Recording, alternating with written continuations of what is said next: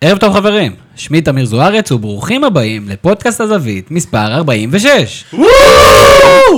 יפה מאוד. שוב אתם מצטרפים אלינו לפודקאסט הזווית, הפודקאסט של אתר הזווית שמאפשר לכם, אוהדי הספורט, להביע את הדעה שלכם אצלנו באתר הזווית, נקודה co.il, ודרך לשונית הזווית למצטרפים, להצטרף אלינו ולכתוב את הזווית שלכם. בנוסף, האתר שלנו מציע לא מעט אפשרויות להתחבר אלינו, אם זה באמצעות uh, דפי הפייסבוק, ואם זה בקבוצת הוואטסאפ והפייסבוק של הגולשים שלנו. בקיצור, אתם יכולים להתחבר אלינו, ואנחנו נשמח מאוד לשמוע אתכם. אז מחזור אחד וסוער בליגת העל כבר מאחורינו, ובשביל לסכם את האירוע, כינסנו את הפאנל המעולה שלנו לדין ודברים על הקבוצות שלהם. ערב טוב למורן כהן שלנו, שחוזר גם הוא מפגרה. ערב מצוין וגם נמצא בפגרה. אתה, מה זאת אומרת? חופש מהגן. אה, אוקיי, תודה מורן. מורן, מכבי חיפה שלך ממשיכה כאילו שלא הייתה פגרה, וכמה קברניטי הקבוצה צריכים להיות מודאגים מההפסד הזה? אה, אני חושב שצריכים להיות מאוד מודאגים. אה, עצם העובדה של אה, גיא לוזון היה המון זמן להתכונן לעונה הזאת, כמה חודשים טובים, בלי אירופה, והגענו למצב הזה שהחלוץ הפותח שלנו הוא שון וייסמן, שהקבוצה משחקת בשיטה בלי שחקנים מתאימים, מאוד מודאגים. אוקיי. אז אתה אומר, הקבוצה צריכה להיות מאוד מודאגת, אנחנו כמובן נדון במכבי חיפה באריכות, אה, אבל גם המכבי השנייה הגדולה, מכבי תל אביב, גם היא לא בדיוק הבריקה במחזור הפתיחה. בשביל זה, כדי להבין האם הרוחות במכבי תל אביב באמת סוערות, יש לנו את גל ארנרייך. ערב טוב, גל. אהלן, שלום, ערב טוב. גל, גם אתה שותף לתחושה שמשהו לא דופק במכבי תל אביב מעבר להפסד השנתי לבית"ר ירושלים בבית? כן, אה, בית"ר זו תמיד, אה, זו תמיד בעיה. אה, זה מצחיק, כי דווקא עד אה, המשחק נגד, נגד בית"ר, אז הרוחות אה, הרגיש, הרגיש שכולם חושבים שמכבי תל אביב הולכת למקום נכון, משחק רגוע, מחושב, ופתאום הכל התפוצץ, ו, ועוד פעם סוער. אני אופטימי. אני מאמין שזה רק קללת בית"ר, בעיית בית"ר, איך שלא נקרא לזה, ותהיה עונה טובה. אנחנו נראה אם שאר הפאנל מסכים עם הקביעה הזאת ועם האופטימיות הזאת. אה, יחד איתנו כמובן רוני כהן פבון, ערב טוב רוני. ערב טוב. רוני, אם אנחנו מסתכלים על תקשורת הספורט בשנת 2017-2018, מה השינויים שאתה מצפה לראות מהתקשורת? האמת שהתקשורת כבר שנים לא משתנה. אה, מה שכן משתנה זה בעיקר התקשורת החובבנית, סליחה שאני קורא לה כך, כלומר התקשורת שבאה ממש מהקהל, אנשים שאכפת להם, ודווקא פה אנחנו רואים שינוי שיח מסביב לכדורגל, כל מיני עצמאים כאלה. אה, אנחנו, אוריאל דסקל, אה, אורי קופר שהולך וגדל, אמנם הוא כבר בידיעות, אבל אה, אה, אנחנו שומעים הרבה יותר את הקולות הללו. אני רק מקווה שזה יתחיל לזלוג גם לתוך התקשורת היותר מרכזית שמלווה את הספורט בישראל. אנחנו ננסה לקיים דיון בנושא הזה, ובעצם ל- לדבר, לראות באמת איך תקשורת ה- שהיא לא מיינסטרים, משתלבת בתוך תקשורת המיינסטרים ואיזה חלק היא תופסת. ולצורך זה גם כן, יש לנו עורכת, אה, אורחת מאוד מאוד מיוחדת היום בפודקאסט, דניאל סעדון, ערב טוב. ערב טוב. דניאל, בתור שדרת הקווים של אה, ערוץ ספורט 1, איך זה לחזור לקווים אחרי הפגרה? התגעגעת? האמת שממש התגעגעתי, כן. אני גם שברתי את הרגל ככה במחזור האחרון, פספסתי אותו, וככה זה בא לי טוב. כזה break a leg כזה? לא, כזה כמו סבתא נפלה, אתה מכיר את זה? שמתקשרים? אז ככה. זה, זה מאוד מעניין. אנחנו גם כן נרצה לדבר עם דניאל טיפה על תקשורת הספורט ועל אה, באמת איך, אה, איך זה מהצד השני של המתרס, פעם שנייה כבר שמתארחת אצלנו, אנחנו מאוד שמחים שהיא נמצאת איתנו. אז יש לנו הרבה על הפרק, כמו שאמרנו, נדבר אה, על המחזור הראשון, מכבי תל אביב, מכבי חיפה, גם הקבוצות הביניים, הקבוצות שיכולות לעשות את קפיצת המדרגה השנה. חוץ מזה נדבר קצת על הפועל באר שבע, בתקווה שתפיל לליגת האלופות, וננסה להבין מה זה אומר, איך זה ישפיע עוד קמפיין אירופאי, בתקווה מוצלח של הפועל באר שבע ליגת העל ועל התחרות, התחרותיות בה. אה, חוץ מזה, אנחנו נחשוף את תוצאות הסקר, אנחנו ביקשנו מכם, אה, המאזינים והקוראים של האתר, לצ... לדרג מה, איפה אתם, איך אתם חושבים שהטבלה של ליגת העל תיראה בסוף העונה, אז יש לנו את התוצאות, חלק מהתוצאות מפתיעות יותר, חלק פחות, נקיים על זה דיון, וכמובן, כמו שאמרנו, תקשורת הספורט, אז באמת הרבה מאוד על הפרק, אז אני כבר רץ קדימה, ורוני, אם אני פותח איתך, תן לי סיבה אחת טובה לחשוב שתהיה לנו עונה נהדרת. אמ, קודם כל, בטן הטבלה, אני מדבר בעיקר על הקבוצות אה, שהפתיעו במחזור הראשון, במיוחד את שלוש הגדולות. אה, מכבי נתניה, עם כל זה שמדברים שבכר זרק את המשחק או ויתר על המשחק, הפועל באר שבע באה בסגל מאוד קרוב לסגל החזק שלה. אנשים חושבים שהוא ויתר על ויתור, אבל הוא פשוט פצוע, או על... אה, איך קוראים לו? בן סער. אה, סליחה, בתיה. למאזינה בתיה, אנחנו מתנצלים, כן. אה, אבל הוא גם אה, פצוע ולא בסגל. אה, וגם הוגו נכנס בשלב יחסית אה, מוקדם של המשחק, ולכן לא צריך להמעיט מההישג של מכבי נתניה, גם בני יהודה, גם כמובן ביתר שתמיד נמצאת שם, מכבי פתח תקווה שעוד לא באמת היה לה מבחן משמעותי, אבל היא תמיד מהחזקות והמובילות באזור הזה של הטבלה, וגם הפועל חיפה שעושה סימן חיובי, ולכן אני חושב שהרוח המרעננת בעונה הזאת תהיה שיהיו הרבה פחות קבוצות חלשות. אולי זה הדבר שיצמצם את הפער בין המובילות, ולא אה, היכולת ביניהן. כי כרגע, כמו שרואים את זה, יש באמת פער אדיר, אה, גם בצמרת ליגת העל, גם בתחתית ליגת העל, אבל האמצע נראה מאוד קשוח ו- וקרוב. אז בואו נדבר קצת על צמרת ליגת העל. מורן, אתה צפית אתמול במכבי חיפה נגד בני יהודה, לצערי, כן. אה, לצערך, והאמת שהיה רשום על המשחק הזה מההתחלה, את איך שהוא הסתיים. אה, זה נכון מה שאתה אומר, אה, תודה. בכיף. אני תמיד שמח לחזק אה, אנשים אחרים בדעתם. אה, בני יהודה באה הרבה יותר מוכנה לליגה, אה, מבחינת גם כושר משחק, היה לה את כל ההכנה של המשחקים בגביע אירופה. היא כבר התחילה להריץ את ההרכב שלה, היא, לא, היא ידעה שהיא לא תגיע רחוק באירופה, אבל היא ידעה להשתמש נכון במשחקים האלה כדי להגיע מוכנה לליגה, ולמשחק הראשון נגד מכבי חיפה.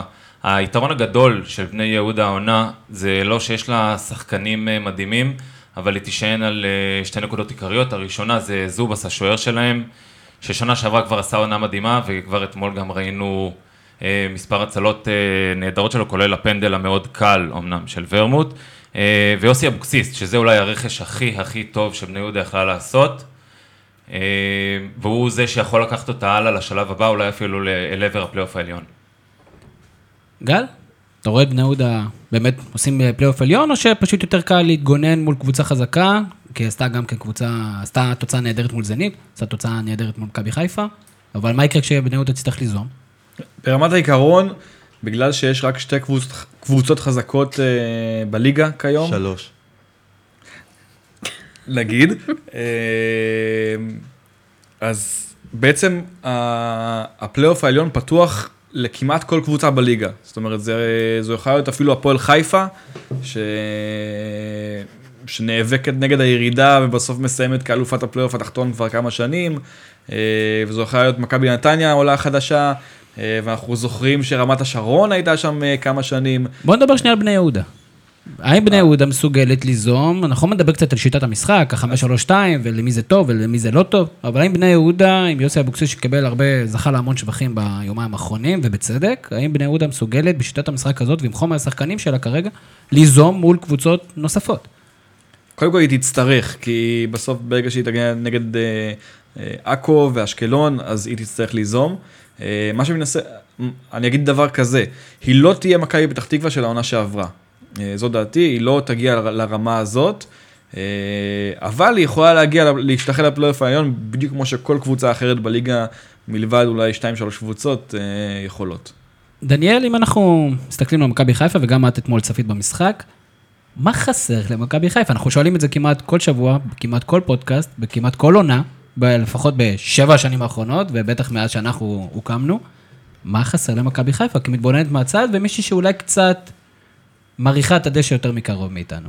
נראה לי שהבאת לי את השאלה הכי קשה כאן מבין כולם.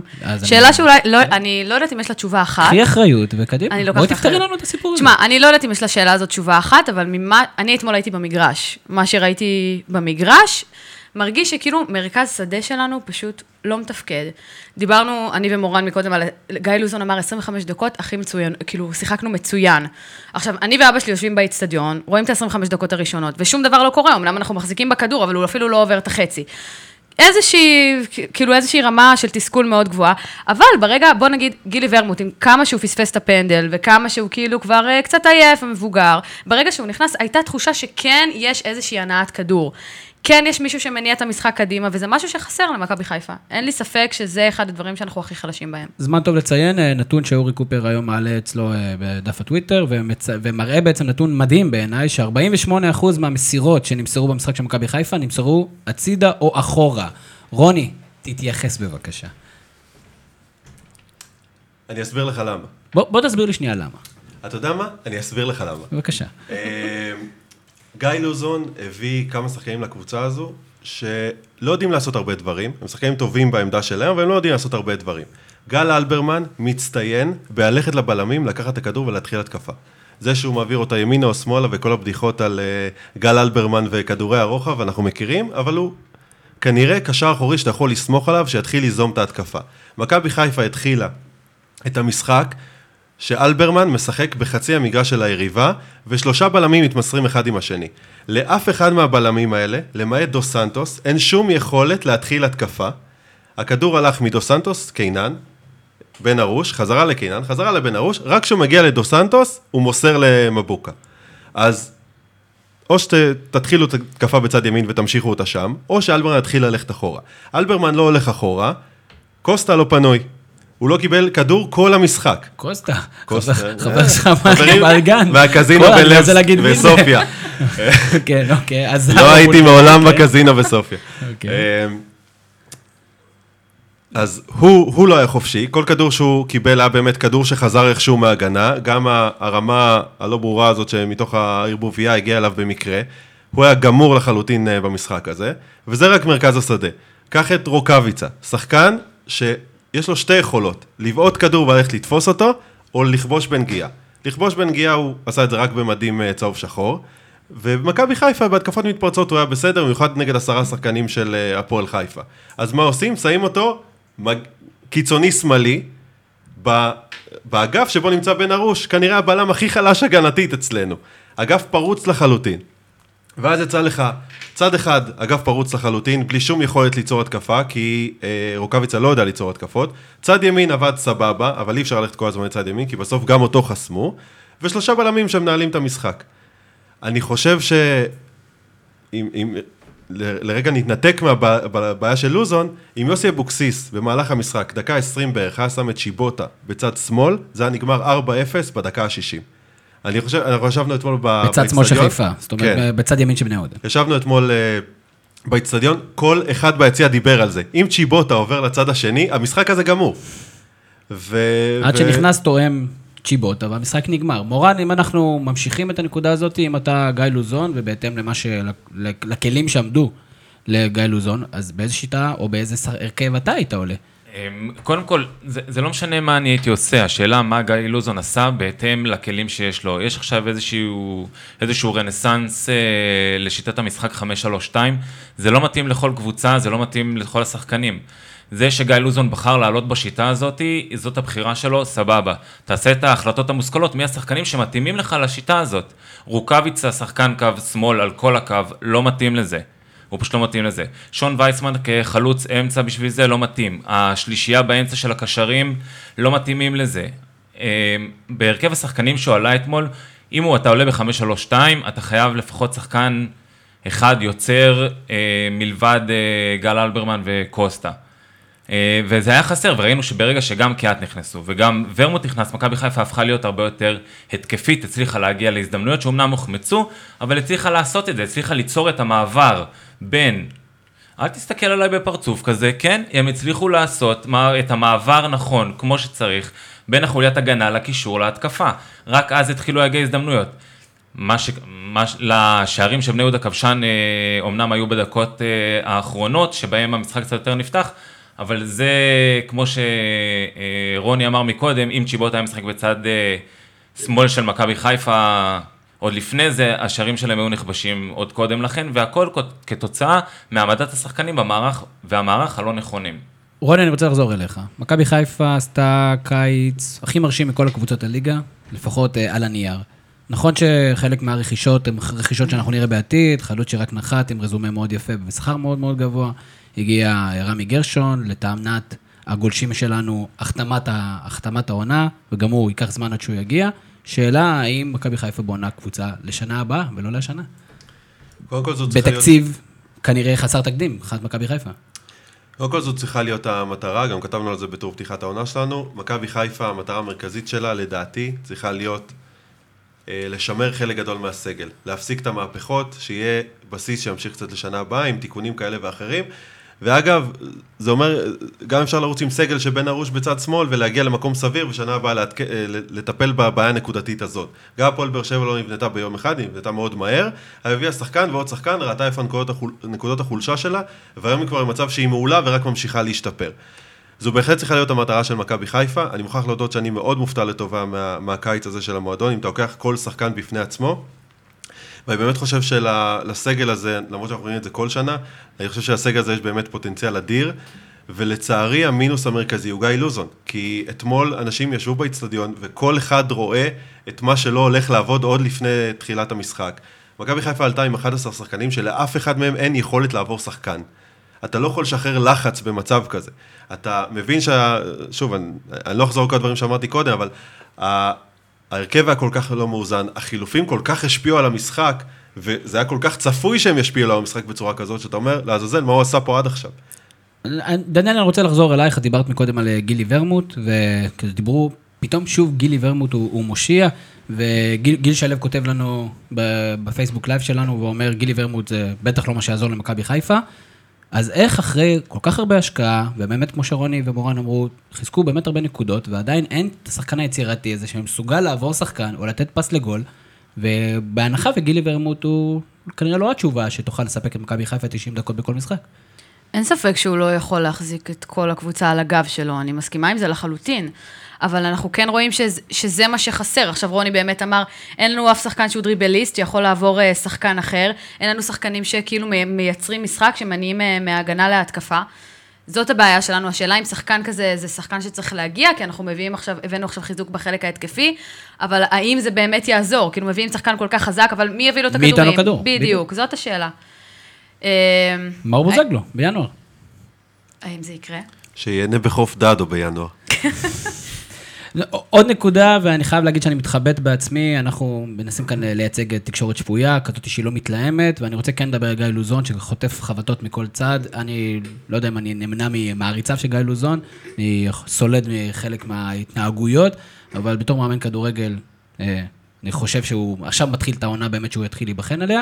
אני אתמול, אה, בטעות, יצא לי לראות יציע העיתונות, ואנשים התחילו ממש לעוף עליו, שאין לו מושג בכדורגל. שאלה, גל, האם אנחנו, כשאנחנו מסתכלים על גיא לוזון, שופטים אותו בעיניים אובייקטיביות, אמיתיות, ונותנים לו הזדמנות אמיתית, או שבגלל הצורה שלו, בגלל שהוא לוזון, ובגלל קצת הרעשים שהוא אה, עושה, אנחנו קצת שופטים אותו יותר לחומרה, מאשר אולי סטונאביץ' כזה, שגם חוטף, מפסיד אותו הפסד לבני יהודה, כמו כל שנה, והיינו אומרים, אוקיי, לא קרה שום דבר, בואו ניתן, בוא ניתן לו לעבוד. אני חושב שגיא לוזון, עזוב את זה שהוא לוזון, אני לא הייתי בוחר לא להתייחס לזה. אני חושב שהוא מייצג את, ה... אה, את אחרון המאמנים, זה המאמן האחרון בדור הזה, אה, שמתבסס על, אה, על מוטיבציה. זאת אומרת, החוזקה שלו כביכול זה שהוא, שהוא מוטיבטור. זה היה מתאים לכל מיני שיעה פייגנבוים בעבר, ומאמנים אחרים בסגנון.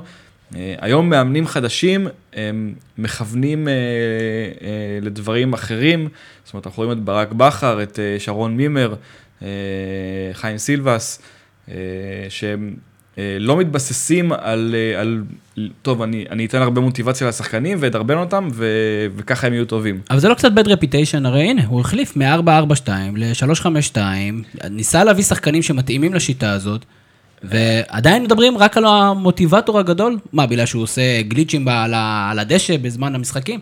זה, זה מרגיש שזה מה שיש לו למכור, אה, זאת אומרת... אוקיי, הוא שינה מערך, אבל זה מרגיש שהוא לא באמת יודע איך להשתמש במערך הזה.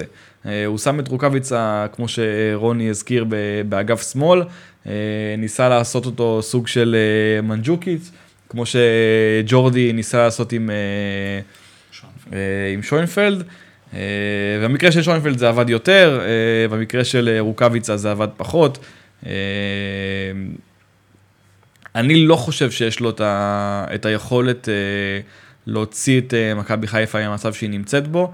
אה, לדעתי הוא צריך לחזור אחורה קצת, אה, לקבל אה, קבוצה עם הרבה פחות לחץ, אה, ולהתחיל את, ה... את קריירת האימון שלו מההתחלה, לבנות אותה. כי זה נראה כאילו, כאילו היה לו איזה מסלול אה, מהיר כזה לה- להצלחה, אה, נוצר לו שם אה, טוב, ועכשיו זה ההזדמנות, שם טוב מבחינת קבוצות, אני לא יודע מי שמע על השם הגיע- הזה. הוא הגיע למכבי חיפה. הוא הגיע למכבי חיפה, זה שם מספיק טוב. הוא הגיע גם לאנגליה.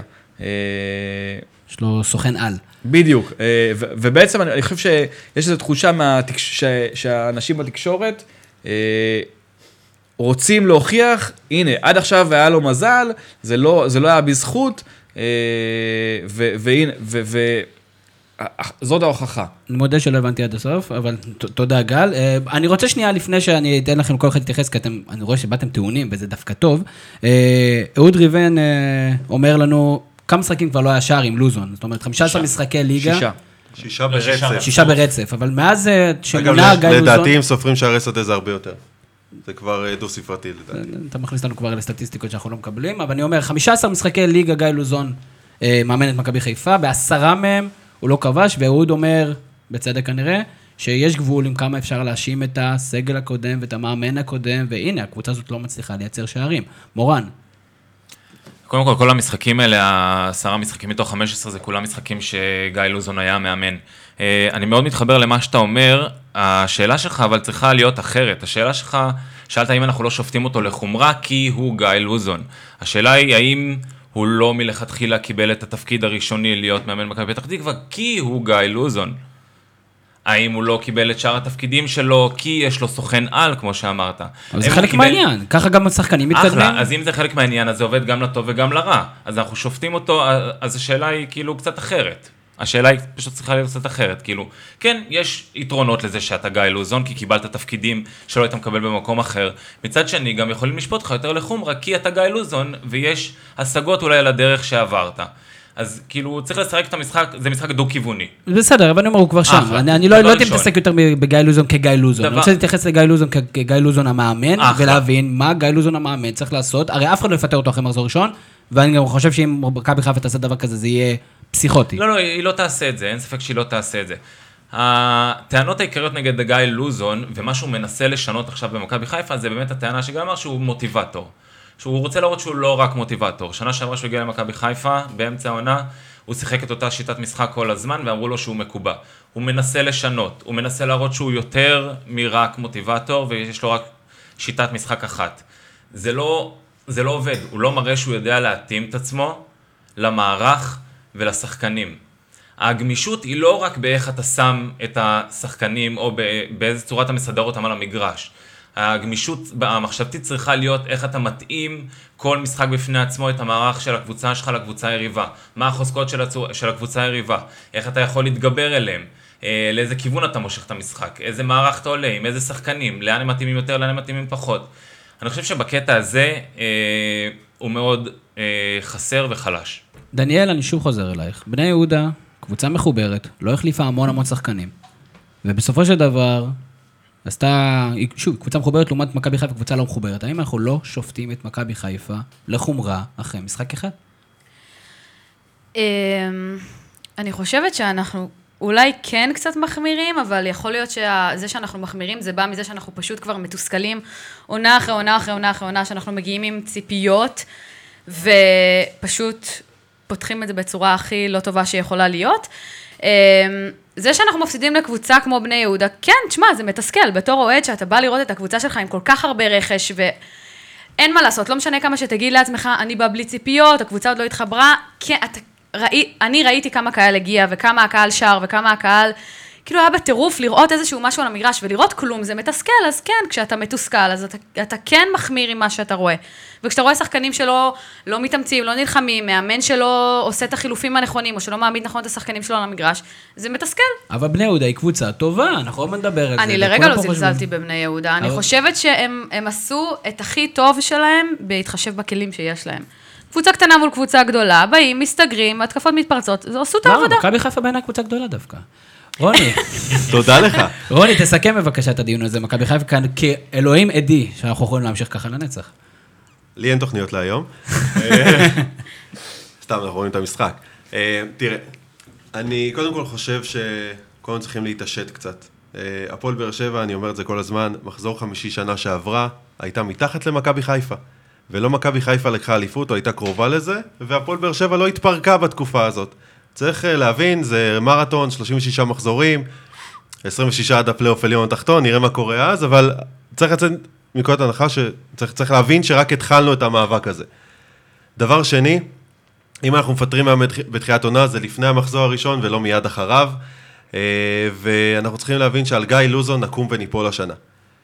המועדון והקהל צריכים כרגע לחבק אותו ולראות איך אנחנו יוצאים ביחד מהמצב הזה, לפטר אותו, להכניס עוד טירוף למערכת הזאת, רק יגרום לקהל להבין שדי, אנחנו מחכים כבר לתחילת השנה הבאה. דבר שלישי, ואני חושב שהבעתי את זה בכל הזדמנות ש, שיש לי, אני ממש לא אה, על קהל אה, מעריציו של גיא לוזון, אני למעשה לא מבין מה הקרדיט שהוא מקבל מבעלים אה, של קבוצות כאלה ואחרות. למרות ה-14 ניצחונות רצופים של אה, סטנדרט ליאש זה היה. כן. אמ, אבל אני מוכרח להגיד לזכותו, שאתמול למכבי חיפה הייתה שיטה. היא הייתה שיטה רעה, עם שיבוץ לא נכון של שחקנים, אבל בניגוד למשחקים בשנה שעברה, הקבוצה ידעה מה היא הולכת לעשות. היא עשתה את זה רע, והתוכנית הייתה רעה, אבל הקבוצה, הייתה, הייתה טביעת אצבע של, אה, של לוזון, ואני מקווה בשבילו שהוא יבין שטביעת האצבע שלו צריכה קצת להתחלף, ואני עדיין לפחות מכיר ביכולתו להטמיע שיטה בקבוצה. אה, ואני חייב להתייחס לדבר האחרון ש... אני חייב להתייחס כדבר אחרון לדבר שדניאל הזכירה. הקהל, אני חטפתי צמרמורת אתמול בתחילת המשחק. הכל היה כל כך חיובי. אה, עזוב את הקהל בחוץ, ועל האש. גם השירים לאלירן נטו? אה, היו קצת בהתחלה. זה מאוד לא חיובי. אבל אני מוכרח להגיד שבמהלך המשחק לא היה ולו שיר אחד על קבוצה יריבה, על שחקן יריב. ו... אני שמעתי שישרפו הצהובים, אני שמעתי כל מיני שירים כאלה. זה שורה בשיר אה, אהבה. זה שורה בשיר. ובשיר האונס זה גם שורה בשיר. רגע, רגע. אז בוא... אה, אה, אני... אין לי בעיה. אני מגנה לחלוטין את הדבר הזה, שלא תבין לא נכון. הקהל של מכבי חיפה הוא קהל נהדר. אני פשוט, אני דווקא מציין את זה כמגמת שיפור. בני יהודה זה כנראה אחד הקהלים הכי מושמצים ושהכי כיף במרכאות לקלל אותו במהלך משחק. כל משחק של מכבי חיפה נגד בני יהודה שאני הייתי בו בעשר שנים האחרונות, זה הלך והתגבר אחרי 2010, כולנו יודעים למה. אמ, יש שיר מאוד מפורסם, אני מאוד שמח שהם נמנעו ממנו אתמול. הם לא. מאוד... הם לא נמנעו. אז אני לא שמעתי באוזן הזאת כנראה, ואני מצטער. אז אני חוזר, אז תשכח מזה. אז אני חוזר, תתביישו לכם. שמשחק הבא אני לא אשמע. זה חלק מהעניין, אבל כן, קהל של מכבי חיפה לא צריך להכביר במילים, קהל אדיר, נדיר, ואנחנו מפרגנים לו. ורק שימשיך להיות ספורטיבי, וגם לא שקט בצד השני של המכבי, בכביש המכביות. וגל, דיברתי איתך מקודם על אה, מכבי תל אביב ועל הרעש, ואתה מאוד מאוד אופטימי. ומה בכל זאת הרגיש ב-3-0 הזה שונה מאותו 4-2 או מאותו 2-0 שמכבי תל אביב הפסידה לבית"ר ירושלים בשנים האחרונות? הייתה תחושה שמכבי תל אביב לא שולטת במשחק אפילו. אני חושב ששופטים את אה, מכבי וג'ורדי לחומרה. אה, הרבה יותר ממה שצריך. זאת אומרת, אה, באר שבע, הפועל באר שבע עשו תיקו עם מכבי נתניה, ברק בכר אפילו הודה שהגיע למכבי נתניה לנצח, ואני חושב שגם אם אה, מכבי נתניה היו מנצחים, לא היו אומרים, אוקיי, באר שבע במשבר, ו...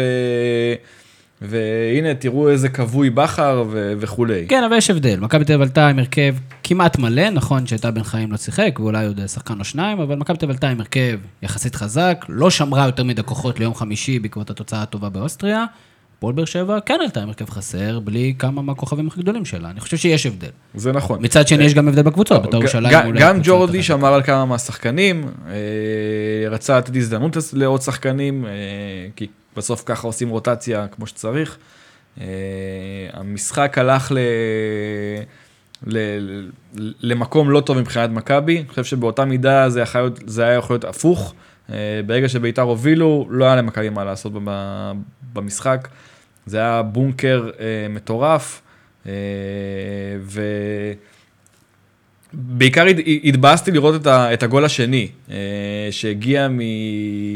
מדרדלה של שכטר, כשההגנה נראתה רכה, אה, ייני נראה רך, אה, והביקורות העיקריות הן שלא הביאו קשר אחורי אה, אמיתי במקום אלברמן, ויכול להיות שעכשיו ג'ורדי מבין את זה. מורן. ג'ורדי, מדברים הרבה על הרכבים, מדברים קצת על זה שביתר ירושלים, יש לה את היכולת לעקוד קצת מכבי תל אביב. גם ג'ורדי קרויף עלה בהרכב הרפתקני קצת מול ביתר ירושלים כל כך התקפית. ההרכב, אני לא יודע אם הוא, אפשר לקרוא לו הרפתקני, הוא פשוט היה רך באמצע. אה, וההצבה שם של דור פרץ, אה, שירן ייני ודור מיכה. ודור מיכה, אה, בעצם חשפה את כל ה, את החולשה של אה, מכבי תל אביב. אה, ביתר ניצלו את זה בצורה מצוינת.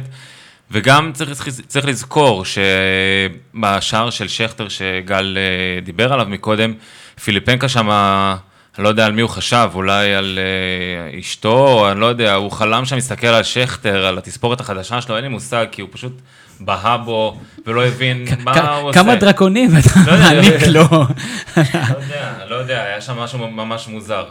אה, אני חושב שזה קצת משחק שג'ורדי באמת קצת זרק כמו בכר, כי כרגע באמת יותר חשוב לו אה, לעלות ל- לליגה האירופית, לשלב הבתים של הליגה האירופית, זה הרבה יותר חשוב. אה, את השלוש נקודות האלה אפשר להחזיר. אה, פרט לכך, אה, לא חושב שצריך להוסיף מה זה משהו. להחזיר? לערער בבית הדין המשמעתי? לא, אתה יודע, כאילו, זה, זה משחק ראשון משחק של ראשון. העונה, אין, אין לחץ, אמנם התוצאה, מה שהכניס ללחץ את האוהדים של מכבי תל אביב, את כל התקשורת התל אביבית, זה זה שזה היה 3-0. שזה כאילו תוצאה שהיא חד משמעית, מוחצת תבוסה וכל מה שתגיד לזה.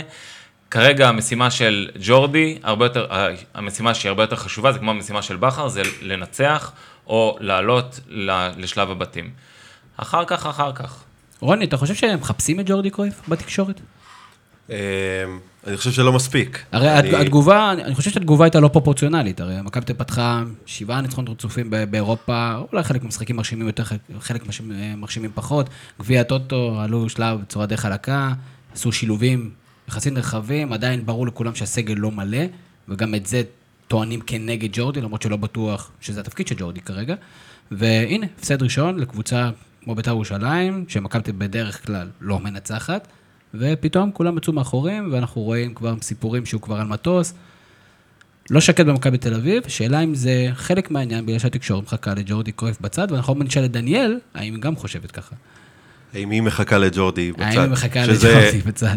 כלומר, כן. ליד הקווים זה בצד, לא? זה בצד, אין יותר אה, בצד מזה, כן. אמ, כמה דברים. אני חושב ש... אני אחזור, אני לא אחזור על מה שאמרתי על מכבי חיפה, מחזור ראשון, זה רק התחילו, תירגעו, הכל בסדר. אה, מכבי תל אביב הרבה יותר חשוב שתעלה לליגה האירופית מאשר אה, המשחק הזה, מעבר לזה שזה משחק מול יריבה חזקה. אה, בטח שמשווים את זה להפועל באר שבע שאיבדה נקודות במשחק בית נגד מכבי נתניה, אז לא נורא, ממשיכים הלאה. לגבי ג'ורדי קרויף, אני חושב שזה הרבה פחות התוצאה, הרבה פחות מה שראינו במשחק, כי במשחק ראינו מכבי תל אביב אימפוטנטית לחלוטין.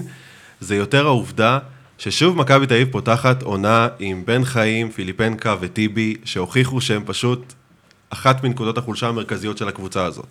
שוב מכבי תל אביב, טל בן חיים הוא אחד מהנקודות החולשה של מכבי תל אביב? טל בן חיים עד לפני שנה היה מועמד בכיר להיות מושאל להפועל חיפה, אפילו להפועל תל אביב.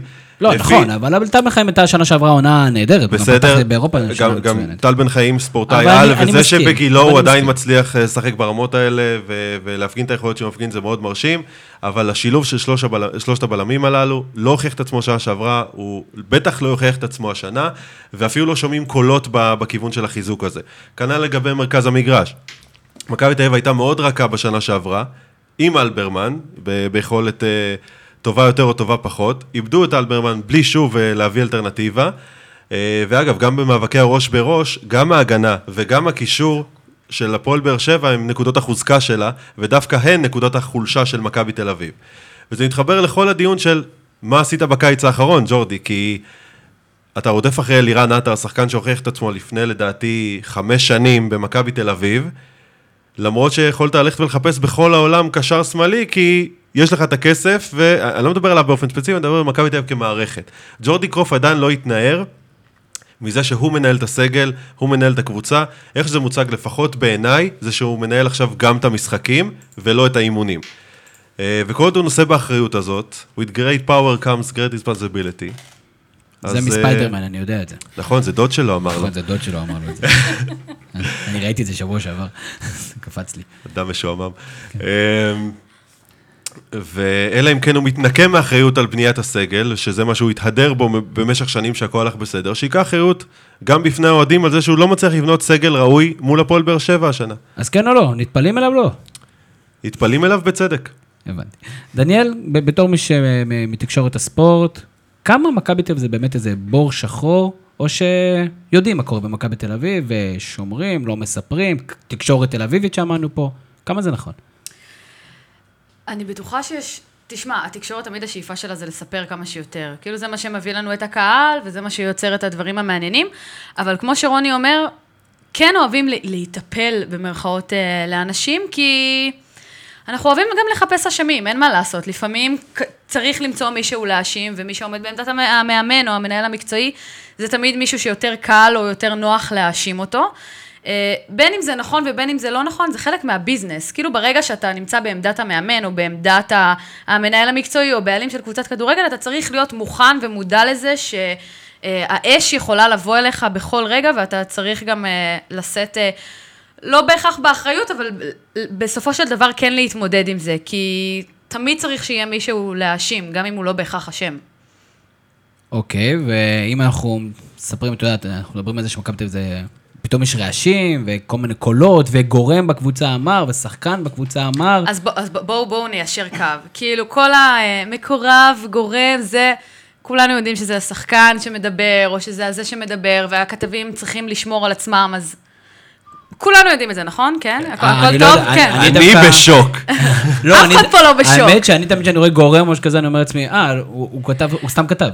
אוקיי, אוקיי, אוקיי. אז יש גם כאלה, אוקיי. אני בטוחה. עשית את האוקיי אוקיי של סטטיק. כן, אני נכון, ראיתי. נכון. וזה קשור לוואלה ג'ורדי הגזמת. נכון. לא, אז יש גם כאלה, וגם יש כאלה שזה באמת מקורב. אתה יודע, לפעמים אבא של, אימא של, כאלה. אבל זה תמיד, עוד הפעם זה? תמיד, אה, זה תמיד מקורב ברמה של, של, ש- שזה בדרך כלל נכון. אז את מאמינה שזה נכון. כן, כי, כי התקשורת הספורט כל כך קרובה וכל כך אה, מעורה בתוך הקבוצות. תראה מה זה, כתבים שהופכים להיות דוברים יום אחרי, דברים כאלה, הכל כאילו אחד בתוך השני, אנשים דוגמה טובה. ממש לא יודעים, אין, אין איזושהי הפרדה, כולם יודעים הכל על כולם, וכשמישהו רוצה שמשהו ייכתב אז הוא יכתוב אותו, וברור שלפעמים יש את העניין של אה, אה, הוא לא ענה לי, הוא לא התראיין אצלי יפה, אז אני אכנס בו יום אחרי זה. ברור שיש את הדברים האלה. אבל בעיקרון, רוב מה שאומרים זה דברים שהם, שיש בהם משהו. אני חושב שגם זה קצת שם בפרופורציות את ההצלחה של ג'ורדי קרויף להוציא את התקשורת מקריית שלום. קבוצה מצליחה היא קבוצה שיש בה שקט. זה לאו דווקא שיש בה שקט ואז היא מצליחה. גם מכבי חיפה, שעם שש אליפויות בשנות האלפיים, אה, הייתה קבוצה שחדר ההלבשה היה בסדר, הכל היה בסדר, היו פחות הדלפות, שחקנים לא רצו לעבור למכבי תל אביב. אבל התקשורת לא הייתה דומיננטית כמו היום, ולא היו כל כך אני הרבה חושב כלי שאתה לא תקשורת. קורא מספיק תקשורת ספורט בחיפה. התקשורת ספורט בחיפה דומיננטית לדעתי מסוף שנות ה-90 בצורה קיצונית. אה, ואני חושב שגם לגבי הפועל באר שבע, אותו דבר. הפועל איך- באר איך שבע, אתה, בחור מחולון, מעורה כל כך בתקשורת הספורט החיפאית? המצאה חדשה, אינטרנט. גדול. אה, סתם, פעם הייתי גוזר תמונות של אריק בנאדו ושם באלבום, אז. אה, היו מביאים לי כל מיני. מקומונים מחיפה. אוקיי. ת- תודה. גל, עם האמיתות. האלה, עם האמיתות. גל, עם ה... לג'ורדי קויף, או למכבי תל אביב, יש עוד שני זרים למעשה להביא, אם אנחנו מתחשבים בכך שמרסלו כנראה לא נספר, שזה גם כן שאלה בפני עצמה, אבל כנראה לא כרגע. מה, איזה תפקידים מכבי תל אביב צריכה לחזק בשביל באמת אה, להצליח אה, להיות מועמדת לאליפות, או להיראות יותר טוב מאשר היא נראתה במחזור הראשון? שני הברזילאים ששחררו, בדיוק העמדות, בלם וקשר אחורי. אה, אני חושב שג'ורדי הסתמך מאוד על אה, ייני, ובמקרה שייני לא יוכל לשחק, אז גולסה. אה, היום אנחנו רואים שייני הוא שחקן שיכול לסתום חורים, אבל להסתמך עליו עכשיו עונה שלמה כקשר אחורי, זה עלול להתברר כרעיון גרוע. אז, אז כן, הייתי מביא מישהו במקום מרסלו ומישהו במקום רמון. בגלל זה גם מאוד הופתעתי שרמי גרשון הגיע למכב- למכבי חיפה, אה, בלי שבכלל מכבי תל אביב הייתה בתמונה, לפחות לא מה ששמעו בתקשורת. אה, היו דיבורים ש... אה, כביכול, סוכנים, לא... מקורבים. לא, שזה, שזה בגלל הסוכן של גיא לוזון, לא חשוב. אני לא לא לא, אכנס. בוא נדבר, אה, שוב, לא- בוא לא- לא נתעסק בר- ברכילות, בואו כן. נדבר על מה אנחנו יודעים, ובאמת זה היה מפתיע. אני חושב אפילו את אוהדי מכבי חיפה, לפחות ב- בפורום שלנו, שבאר שבע ומכבי תל אביב, לא רק במכבי תל אביב, נכון. לא, לא הציעו, זה בעצם, זו החתמה מאוד מעניינת וטובה של מכבי חיפה, גם מתחת לרדאר, אפרופו אה, הדלפות. אבל הייתה עוד קבוצה במשחק הזה בין, בין מכבי תל אביב לביתר ירושלים, וזאת ביתר ירושלים שהרשימה בנתניה, ובתור מי שהיה באיצטדיון, הרשימה, שיחקה יפה, שיחקה נכון. והאם מורן למעשה לא צריך מאמנים בכדורגל הישראלי? כי הנה, קבוצה ללא מאמן, עולה, משחקת מאוד מאומנת, וההתקפה של הפנדל הייתה התקפה פשוט מהפנטת שלוש-ארבע מסירות עד לפנדל, וזה בעצם פתח את המשחק, ובית"ר ירושלים נראתה מצוין על הדשא בנתניה. בוא נתחיל בשורה התחתונה, צריך מאמן כדורגל, אוקיי? זאת השורה התחתונה. אה, שחקני כדורגל יודעים לשחק כדורגל, המאמן שאימן אותם גיל לבנדה הוא לא חדש בכדורגל, זה לא פעם ראשונה שהוא מעביר אימון ו/או נמצא בתוך המערכת. אבל הוא לא המאמן הקבוע של הקבוצה, הוא לא עשה את המחנה אה, אימונים. ברור, אבל היה להם מאמן לפני זה, שהכין אותם, שבנה, שגם הכין אותם למשחק הזה עוד לפני, אה, שהעיפו אותו. שרון מימר, גם אם לא היה שם פיזית, אני מניח שהיה שם אה, ברוחו ובדרך האימון שלו. אני מניח שגיל לבנדה לא המציא שום דבר ולא ביקש מהם דברים חדשים ולא ניסה למשוך את זה לכיוון שלו. הוא בסך הכל המשיך את הדרך ששרון מימר אה, התחיל בביתר ירושלים, אה, ואנחנו רואים שזה עבד לו, אתה יודע, אה, אתה יכול גם לעלות אה, פעם אחת אה, למשחק כדורגל בלי מאמן בכלל, גם בלי מישהו שיעמוד, בלי מישהו שיעשה חילופים, ויכול להיות שהקבוצה תנצח. קורים דברים בחיים, איזה יופי של אופטימיות. אבל זה מקרה. כן. צריך מאמן, בוטם ליין. אוקיי, רוני, אם אנחנו מדברים קצת יותר טקטית על בית"ר ירושלים, ואיפה בית"ר ירושלים יכולה... כי בית"ר ירושלים היא קצת קבוצה, טיפה מזכירה את מכבי חיפה אולי בקטע של המאניה דיפרסיה. הפסד אחד ל- לקבוצה הבולגרית, וכולם פה אה, שוחטים את כולם, ופתאום ניצחון גדול, ב- והם מרגישים שהם יכולים לזכות באליפות. ואני לא יודע מה- אם זה נכון לחבר את זה, אבל אי אפשר להתעלם מזה שגם בית"ר ירושלים קבוצה שניצחה גם בבאר שבע, אמנם הרכב חסר יחסית, אבל עדיין 3-0. האם בית"ר ירושלים יכולה היום, השנה, לעשות קפיצת מדרגה, או שהיא חסרה שניים שלושה שחקנים בשביל לעשות את זה? אני חושב שבית"ר ירושלים, אה, קודם כל, חסרה שקט, כי לאפקט הזה של תחילת עונה אולי עדיין לא הייתה השפעה, אבל בעיקר לדעתי יכולה להיות לו השפעה לטווח הארוך. אנחנו מדברים על זה כל הזמן, מי המשוגע שילך לעבוד אצל אלי טביב, ודווקא בסוף שנה שעברה היללנו, אני לפחות באופן אישי אמרתי וואלה בית"ר ירושלים יכולה לרוץ לאליפות שנה הבאה כי סוף סוף יש שם מאמן שעשה משהו טוב, יש לו סגל סביר פלוס והוא מתחיל עונה הבאה כי תמיד הם סיימו קצת לפני, גם גיא לוי, גם דראפיץ' ושרון מימר גם הוכיח את עצמו, גם הסגל הוכיח את עצמו אה, חלק התקפי שבנוי מקצה הספסל של מכבי חיפה 2014-2015 אה, ואני חושב שבטווח הארוך זה יכול מאוד לפגוע בקבוצה. אה, ברמת השחקנים עצמם, אני חושב שבסופו של דבר מדובר בשחקנים שהיו להם הבלחות כאלה ואחרות בקריירה. עידן ורד בבית"ר ירושלים לפני כמה שנים, איתי שכטר בהפועל תל אביב, אבל אף אחד מהם לא, לא הצליח להשאיר חותם, ויש סיבה. ואני חושב שיהיו משחקים שכל השחקנים האלה יהיו טובים, כמו נגד מכבי תל אביב, שההתקפה ש... של בית"ר הייתה בנויה מעידן ורד, חן עזרא ואיתי שכטר, שהיו מעולים, ובאמת כל התקפה שלהם הייתה כמעט גול. מכבי תל אביב לדעתי הגיעה לתשעה מצבים מחצית ראשונה, אף אחד מהם אפילו לא, לא הסתכלתי על המסך, כי, כי זה פשוט לא היה כלום, הם בעטו מ-30 מטר או איזה פוק שהגיעו לרחבה. כל הזדמנות של בית"ר ירושלים הייתה מול שוער. אה, וזה שלוש, שלושת השחקנים הללו. אבל אני לא חושב שיש להם את ה... א', את היציבות לשחקנים הללו, ולא את המחליפים לשחקנים הללו. אה, בינינו לא בטח, אה, בטח לא הגורם שיעלה מהספסל ו... אה, ויחיה את הקבוצה הזאת בגיל אה, 38. מעבר לזה שאני חושב שהחלק האחורי של הקבוצה פשוט לא טוב. קונטה, אם הוא לא מגן, כלומר אם רוצים לחזק את מרכז ההגנה אז קונטה הוא בלם טוב, אבל אז המגן הימני שלהם לא טוב. למרות שסאבו עשה עבודה טובה. אה, נכון, וגם שנה שעברה הוא שיחק לא מעט משחקים בעמדה הזו, אני לא זוכר שבכולם הוא היה סביר אפילו. אני חושב שרוב המשחקים הוא דווקא היה לא טוב, כי הוא בסוף שחקן אמצע, הוא נמשך הרבה לאמצע, הגב שלו הרבה פעמים פרוץ, אה, זה לפחות הרושם שלי משנה שעברה. אלא אם כן יחליטו שקונטה הוא בלם ויפספסו את כל היחילות ההתקפיות המדהימות שלו, כי אני חושב שהוא הוכיח את זה בפלייאוף. אה, שה- שהמועדון צריך לקבל, אבל אני עדיין חושב שיש להם הם מכסים כל מיני פערים, הם צריכים לכסות אותם בשחקנים ולא בהצבה מחדש של שחקנים אחרים. אה, ואם יעשו את זה, הם יכולים שוב להגיע למקום 3-4, אבל לא מעבר לזה. אה, בטח לא כאשר הריאליטי של קח אותי אלי, אה, גם שיש לו, אגב, שני, שני סוגים, אחד למאמנים ואחד לשחקנים, כי הוא נפטר מהם באותה מידה שהוא מביא אותם.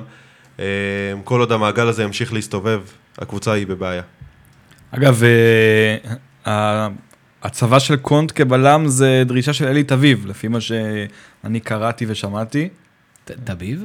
תביב? כן, כן, תמשיך, כן. אלי תביב?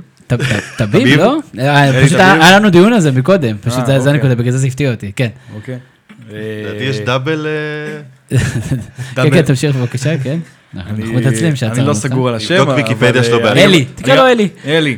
אני גם אף פעם לא סוגרים אם זה קונט או קונטה. נראה לי שזה קונטה. לא, זה קונט. זה צרפתי, לא מבטאים אותם. יפה, אז זה קונט. לא חשוב.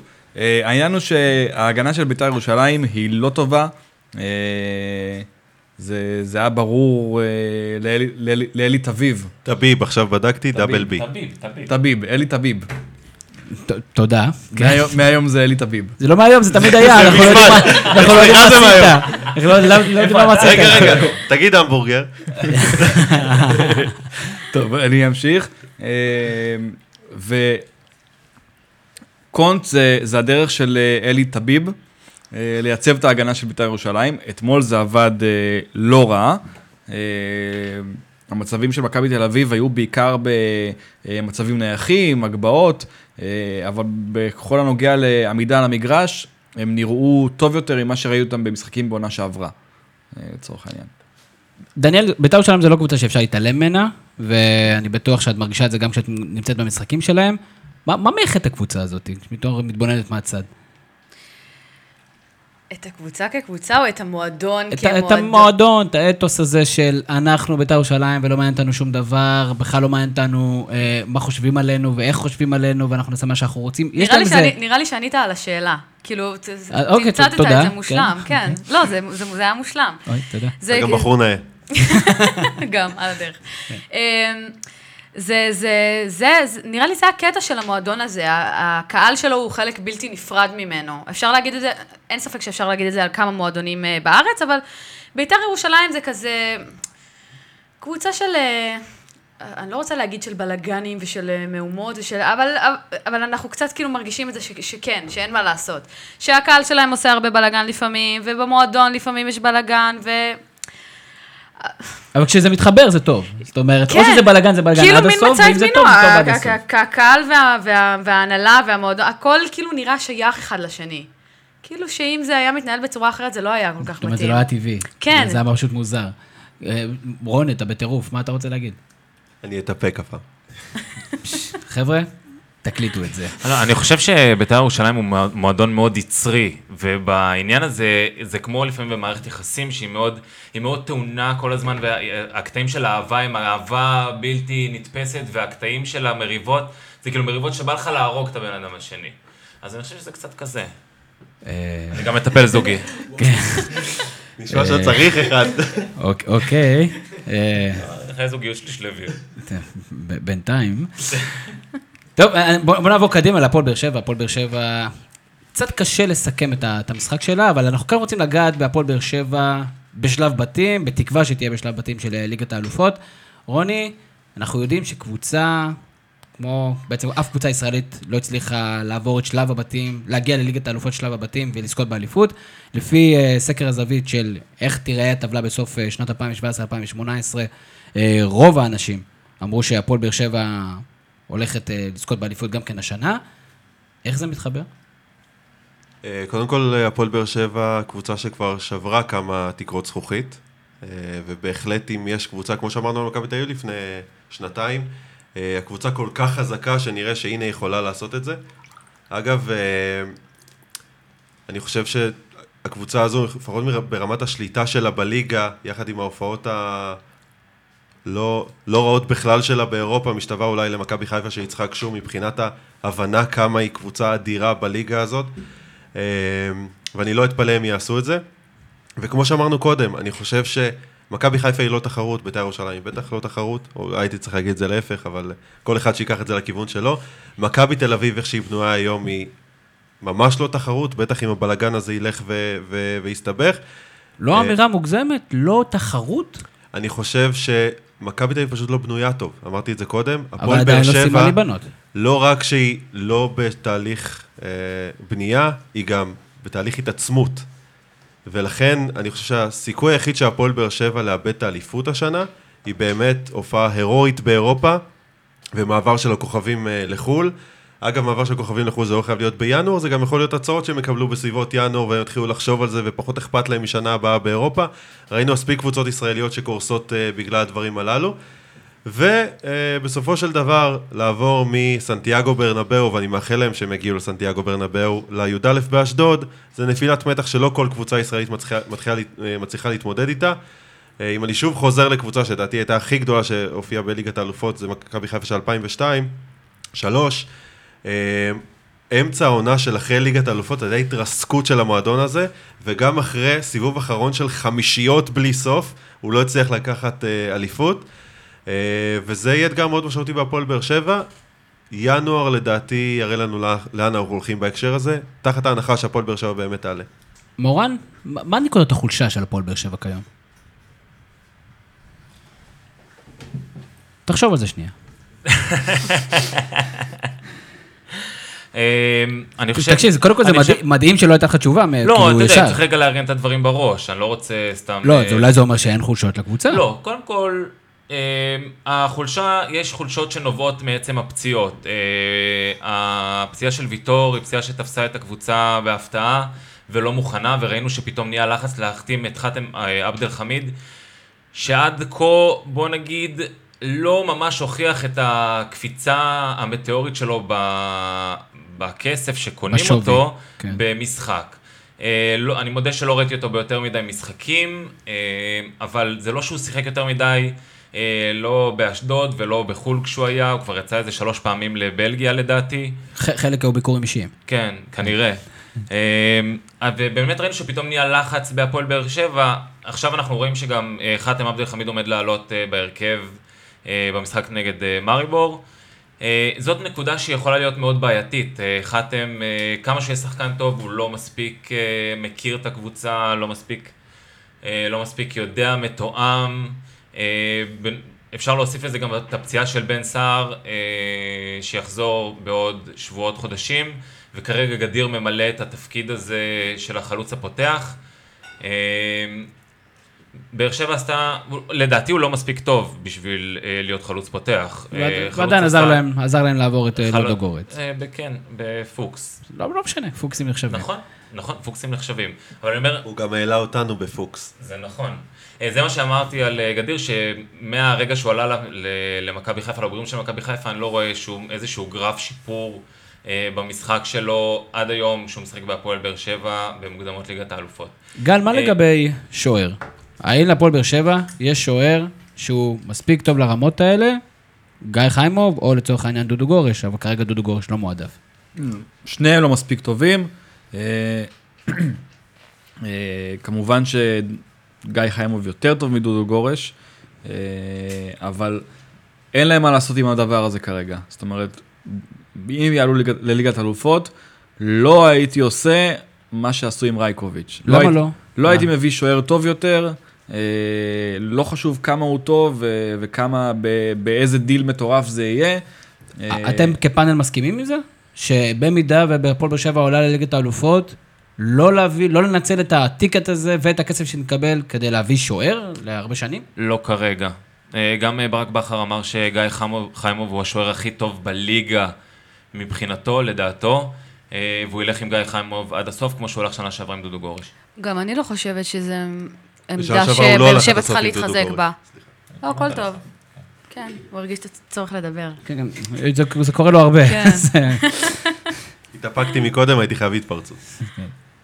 אז, אז בעצם כולנו תמימי דעים שגיא חיימוב צריך להישאר ולא צריך שוער אחר. אני, אני חושב שהעמדה הכי בעייתית בבאר שבע, אה, זה בעצם אה, אובידיו אובן, שכבר לא בקבוצה. החוסר בקשר אחורי, רוני לא, מתעצבן כי לא. לקחת לו את זה.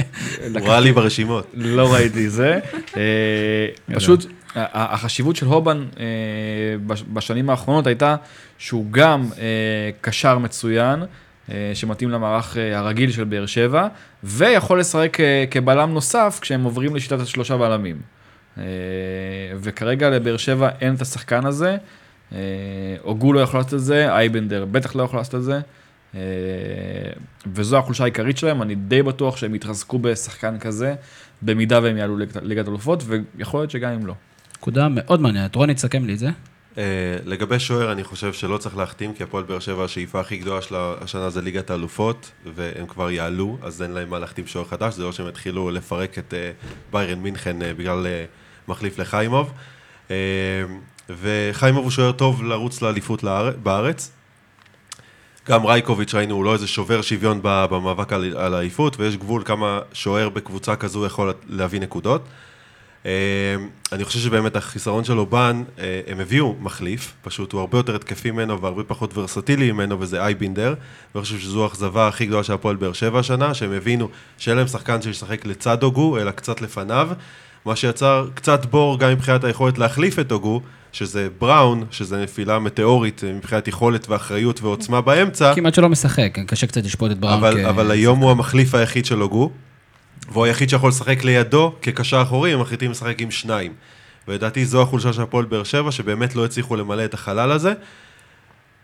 בסוף, אני חושב, וזה זה יישמע קצת מצחיק, אני חושב שהפועל באר שבע, דווקא בשפיץ יש לה בעיה, כי בן סער פצוע, אה, פקארט עדיין לא הוכיח את עצמו עד הסוף, אבל גול כאן... מאוד יפה בשבת. כן, אבל זה, זה, הד- זה הפעולה החיובית היחידה שלו כנראה במהלך המשחק. אה, ועדיין, הם צריכים עוד חלוץ טוב בסגל. אני מצטער, לא גדיר ולא אה, ניב זריאן הם ברמה הזאת. גדיר כנראה שלא יהיה, זה הכי גבוה שהוא יגיע, שחקן ספסל בקבוצת צמרת. זריאן אולי יהיה, הוא עדיין לא שם. וברדה בקרוב. לפנסיה. מדמדומי הקריירה. אה, אם אנחנו עוברים אה, בזריזות על סקר הזווית, אז אה, באמת הפועל באר שבע זוכה לרוב הקולות, לא רחוק ממנה, ממש לא רחוק ממנה בצורה משוקללת, מכבי תל אביב. הקהל לפני המשחק נגד בני יהודה האמין גדול במכבי חיפה שתסיים במקום השלישי. לאחר מכן בפער די גדול בית"ר ירושלים ברביעי, מכבי פתח תקווה חמישית, לא דיברנו עליה, אבל דיברנו עליה קצת בשבועות האחרונים, ובני יהודה שפתחנו איתה למעשה במקום השישי, אה, יידפקו על דלת הפלייאוף העליון, כנראה שיש כאן כמה דברים שלא ידענו, אז קריית שמונה, נתניה, הפועל חיפה. סכנין, לפי הקהל, תהיה מקום עשירי, רעננה ואשדוד יהיו 11-12, ומפתיע אתכם שאשקלון ועכו נבחרו לשתי הקבוצות התחתונות ביותר? לא. גם אותנו לא, אבל זה היופי, ולדעתי דווקא הדברים הולכים להתהפך. הבטן הזאת, אני מסכים עם מורן, מה שאמרת בהתחלה, הולכת להיות מאוד מאוד מעניינת. זה אני אמרתי, אבל תודה. אה, אתם מדברים באותו מיקרופון, אז אה, מבחינתי זה היה אותו דבר. אז אה, חלק מהעניין, אה, באמת, הב- הבטן מעניינת, ואם מכבי נתניה גם שבוע הבא תצליח להרשים אותנו, אז אני מבטיח שאנחנו נפתח איתה. בואו נדבר קצת על תקשורת הספורט, ורונל, אתה אמרת שיש לך ציפיות מתקשורת הספורט, ואני אפתח איתך, מורן. מה אתה מצפה מתקשורת הספורט השנה? רק הערה, אני אמרתי חובבנית, רק כי אה, ברחה לי המילה שוליים, אלטרנטיבית. אלטרנטיבית, כן. זה, זה, זה חובבני בחלק אז מהאזורים, בחלק לי. מהאזורים זה... אני, אני סולח. החובבן היחיד פה זה אני. זה, זה, זה נכון. תודה, תודה רוני שגרמת לי. כן, מורן. כן, מה השאלה? תקשורת הספורט. ומורן. כן, כן. לא, שים סימן שאלה בסוף. מורן, אתה-. למעשה הדוגמה שלעשות סימן שידורי לייב הם מיותרים פשוט. אבל כן, למה לא? למה? תקשורת הספורט. כן. מה אתה מצפה מתקשורת הספורט השנה? שתעשה קפיצת המדרגה, תשפר, תיתן לך יותר כצופה, כאוהד. אה, אני חושב שאני רוצה להכניס פה רגע את המינהלת ואת הנתונים הסטטיסטיים שהם אה, מפרסמים אה, בסוף, ב-24 שעות אחרי תום המחזור. הם נותנים פה איזשהו פתח ואפשרות לעשות תקשורת ספורט שהיא יותר מעמיקה, להוציא נתונים מתוך הנתונים הסטטיסטיים ולהכיל אותם על, על הקבוצות ועל הדרך שבה הן משחקות. אה, שהכל יהיה באופן כללי הרבה יותר מקצועי ופחות צהוב. אני יודע שהצהוב אה, זה מה שמוכר, אני יודע שהצהוב זה מה שנכנסים אליו, אני יודע שהצהוב זה מה שמעניין את האנשים, אה, בעיקר כאלה שרואים גם קרדשיאנס, אני לא יודע מי, לא יודע, בבית, אולי, לא יודע, שמים מה קרדשיאנס. הקשר? יש אבוזגלוס עכשיו. לא יודע, אתה אה, יש ווריז. אבוזגלוס. כן. כן, יש כל מיני כאלה. אני באמת מצפה כאילו שהם ייתנו ערך מוסף ולא רק התעסקות בטפל. אני כשאני אה, פותח, אני כבר לא קורא עיתונים אה, המון שנים, אבל כשאני פותח את אתרי הספורט אה, הגדולים, אני כן מצפה לראות שמה אה, יותר כתבות כמו של אה, מיכאל יוחין, כמו של אה, אורי קופר, כן, כשאני פותח את ספורט אחד, אני רוצה לקרוא כתבות אה, וניתוחים כמו של אורי אוזן. אה, כן, יש איזושהי, איזשהו שינוי אה, בתוך התקשורת הספורט, אה, בעיקר אה, מהשוליים פנימה, אה, אבל אני רוצה שזה יהיה יותר עמוק, שזה יהיה יותר חד, שזה יהיה הרוב ולא המיוחדים שאותם אני צריך לציין. דניאל, זה, זה באמת ככה? זאת אומרת, יש את התחושה הזאת כשאתם נמצאים בתוך האתרים, בתוך מדורי הספורט, האם התקשורת מבינה את הלחץ הזה, את ההתלהמות הזאת כנגדה, את הביקורת הזו שהיא צצה בכל מקום?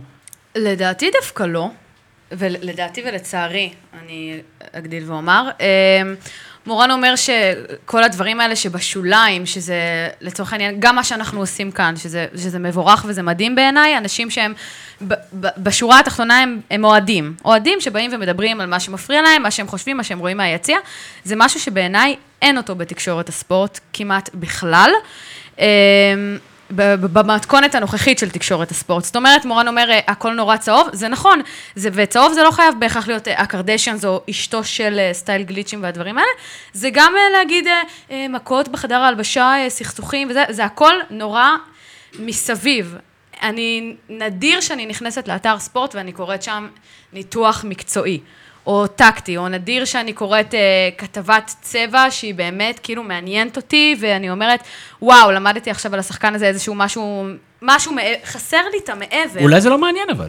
את יודעת, אולי אנחנו חושבים, אנשים אה, גדולים, חושבים אה, ממש בצורה מאוד רצינית על הבידור הזה שנקרא ספורט. אולי אנחנו מגזימים, אולי אנחנו חוש... מכוונים למשהו שאין לו קהל כל כך גדול. אין ספק שבידור, ש, שספורט זה בידור, ו, וגם אין לי ספק שיש מקום לצהוב ול, ולשטויות, בוא נשים את זה במרכאות, אבל, אבל צריך כאילו לאזן בין השניים, שיהיה גם מזה וגם מזה. נראה לי מישהו רוצה להוסיף פה, התייחסות. מצביעים פה ובאים בטענות. אמ, אני, אני חושב שהיא דיברה על איזון, אני חושב שיותר צריך לדבר על הפרדה. אין לי בעיה עם גליצ'ים. יש לי בעיה עם זה שאני לא נכנס לגליצ'ים, והתוכן ספורט הוא גליצ'ים. מעניין. אמ, כלומר, יש לי בעיה עם תוכן שמתחזה להיות רציני ונקי מאינטרסים ומנתח משהו שראיתי ולא לא הבנתי אותו עד הסוף ולמדתי ממנו משהו.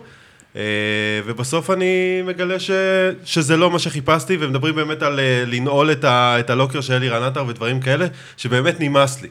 ואני חושב שבשנים האחרונות כאן קרו שני תהליכים מעניינים בישראל. אחד, תחושתי לפחות, יש הרבה יותר אוהדים של קבוצות זרות בישראל מאשר בעבר. זה מה שגורם לנו לצרוך תקשורת ספורט זרה, תוסיף לזה רשתות חברתיות, אנחנו רואים שיש ערוצי טלוויזיה בעולם שעושים ניתוח רציני, ויושבים שם שחקני עבר שיודעים לדבר ויודעים לנתח, והם לא באים רק על היותו שחקן עבר, זה לא מה שהכניס אותו לחדר. ו- ודיון סופר מעניין על קבוצה ש...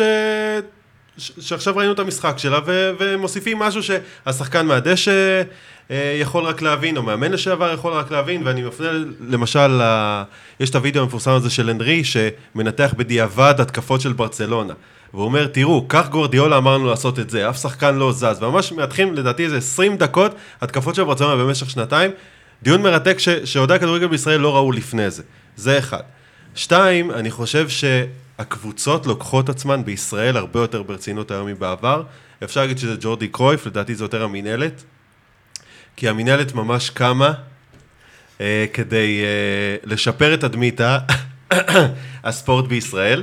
ואנחנו רואים את זה גם באיסוף נתונים סטטיסטיים, גם באופן שהיא מנגישה את, ה, את הספורט הזה לציבור, ואני חושב שעצם העובדה שהמינהלת, אם אני לא טועה, סליחה מראש אם אני טועה, ממומנת על ידי הקבוצות, ולוקחת את הקבוצות יותר ברצינות, אז יש יותר database להשתמש בו. אתה מקדים אותי קצת עם אה, דיון המינהלת. אז שנייה, רק, רק לחבר את שני הדברים הללו. אני חושב כן. ששני הדברים הללו בסופו של דבר הגיעו לאוהדי הספורט בישראל, ואמרו, שאמרו לעצמם, יש לנו את הנתונים ויש לנו את הסטנדרט שאנחנו רוצים להידבק אליו, אנחנו רוצים להתחיל להרים את זה. ואני חושב שהציפייה שלנו צריכה להיות, בסוף אנחנו בעולם קפיטליסטי, גם המדינה הסוציאליסטית ביותר. אם האוהדים יגידו, זה התוכן שאנחנו צורכים, התוכן ישתנה. מעולה. בדיוק גיל שלו כותב, גל, לפני שאתה תתפרץ, אומר, אם יאכילו את הציבור המבורגר ופיצה היום, אז הם יאכלו פיצה, אם יאכילו אותם אנטריקוט, יאכלו אנטריקוט. אה, לטובת... אבל לפעמים אפשר פרוסה עם שוקולד. זה נכון. לטובת מאזיננו הלא טבעונים, הכוונה באנטריקוט זה במשהו טוב. מפטריות. גל, רצית להתפרץ. אני לא, לא אתפרץ, אה, הצבעתי יפה. אה, אני חושב ש... מה מה- מה אני הקטע? חושב שהבעיה העיקרית... ממתי אתם כאלה מחונכים? אנחנו אנחנו מאוד מחונכים. יש פה בחורה. כן. רגע. אה, הבעיה העיקרית היא שהדור של היום רוצה לצרוך תוכן חדש כל הזמן. אה, ואני חושב שלצורך, אם- אם אני אקח את אה, את אתר הזווית לצורך העניין, למשל. למשל, אה, אנחנו לא מסוגלים אה, לספק תוכן אה, ליום שלם של רפרושי אתר ספורט. אוקיי? אני אה, בתור אה, חולה ספורט, נכנס ל, ל, ל... אני לא אגיד איזה אתר, אתר הספורט האהוב עליי, אה, פעם בשעה. אתה יכול להגיד, אין לנו- אין לנו בעיה. לא חשוב. אוקיי. אני נכ- אני נכנס פעם בשעה, ותמיד יש כבר כותרת חדשה. זאת אומרת, תמיד משהו חדש קורה, משהו, משהו משתנה, ו... וכן, זה ההמבורגר וצ'יפס שמאכילים אותי, אבל אני חושב שאין משהו איכותי להאכיל בו אה, בתדירות כל כך גבוהה. זאת אומרת, אי אפשר לתת אה, ניתוח סטטיסטי אה, 20 פעמים ביום. זה, זה לא יכול לקרות.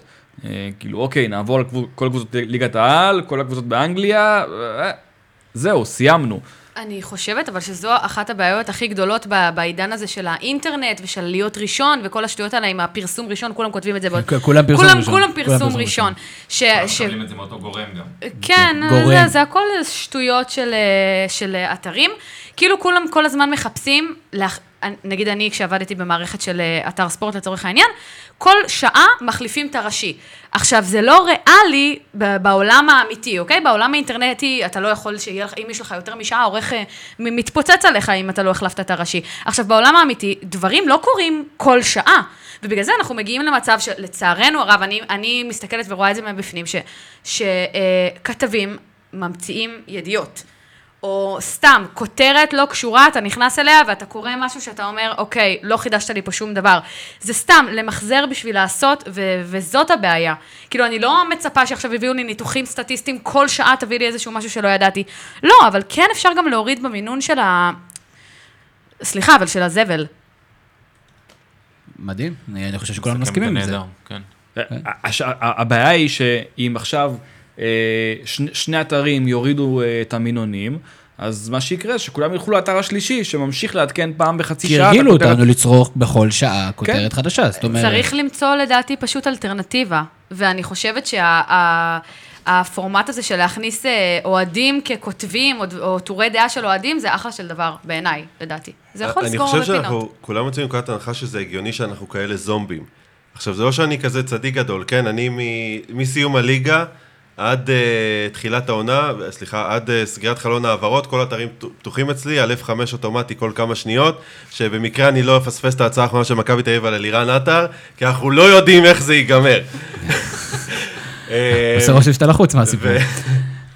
ואני חושב שאנחנו, אתה יודע, זה, זה קצת פילוסופי, אבל כל אחד צריך להגיד לעצמו, אם אני רוצה לתרום לכל המערכת המשומנת הזאת, שהופכת אותי לזומבי וגורמת לי לצרוך את הזבל הזה, אה, ואני חושב שהתשובה של כולם היא לא, אבל כולם ממשיכים עם זה. נפגשנו שבוע שעבר עם אה, אדם ב... לא התכוונתי להגיד מי האדם הזה. כן. נפגשנו שבוע שעבר עם אדם בכיר יחסית ב- שקשור לכדורגל הישראלי. גורם.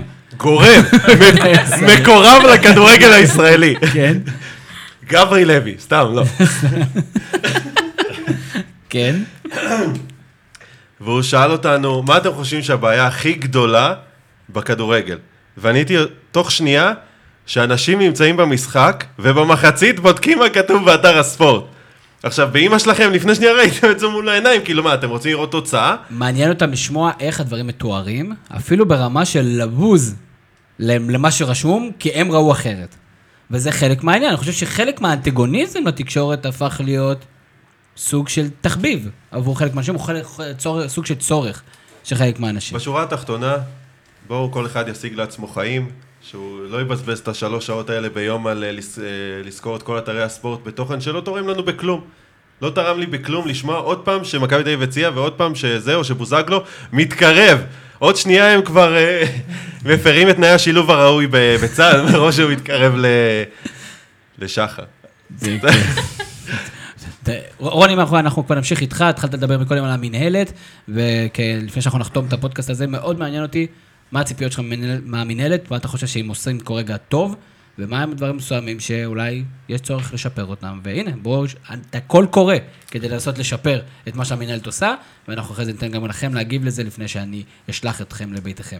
אני חושב שהמינהלת עושה עבודה יפה מאוד בקידום הכדורגל הישראלי, שיפור המעמד שלו, מכניסה לו המון צבע, מצלמות המנהרה, כתבות הוידאו, הפרסום של, ה...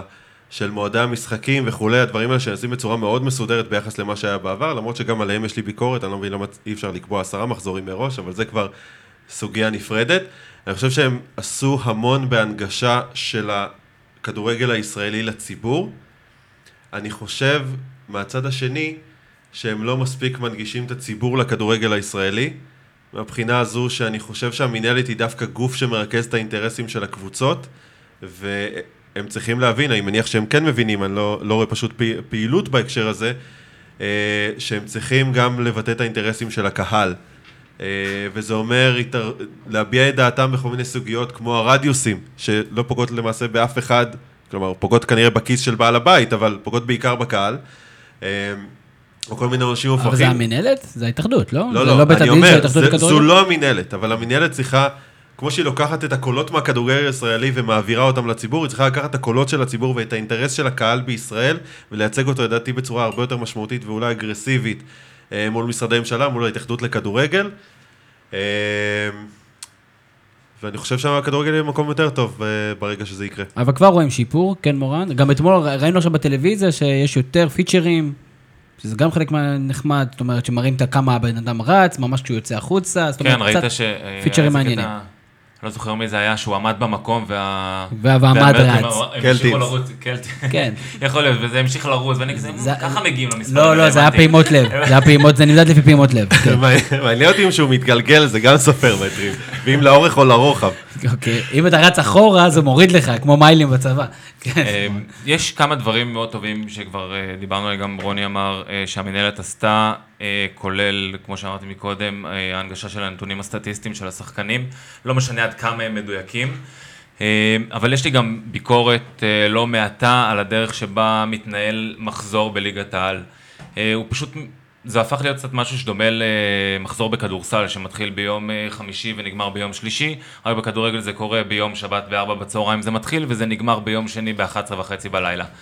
זה משהו שנמתח בצורה לא הגיונית, הוא מוציא את העוקץ, אה, מוציא את העוקץ מהמשחקים, מוציא את העוקץ מה, מהליגה, זה לא, אני, אני, אני אוהב כדורגל, אני רוצה לראות משחקים, אבל אני לא אשב מארבע בצהריים עד אה, עשר וחצי בלילה ביום שבת ואבזבז את כל השבת שלי על לראות את כל המשחקים, כדי ליצור קצת יותר מתח וקצת יותר עניין.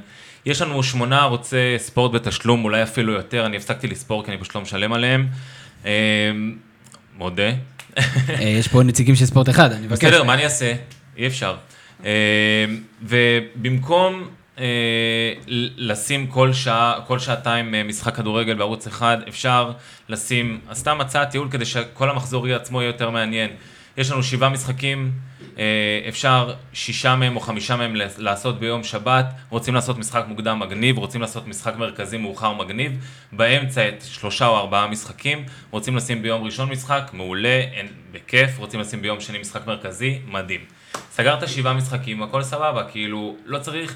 בארבע, בשש, בשבע, בשמונה, בשמונה וחצי, סיימת.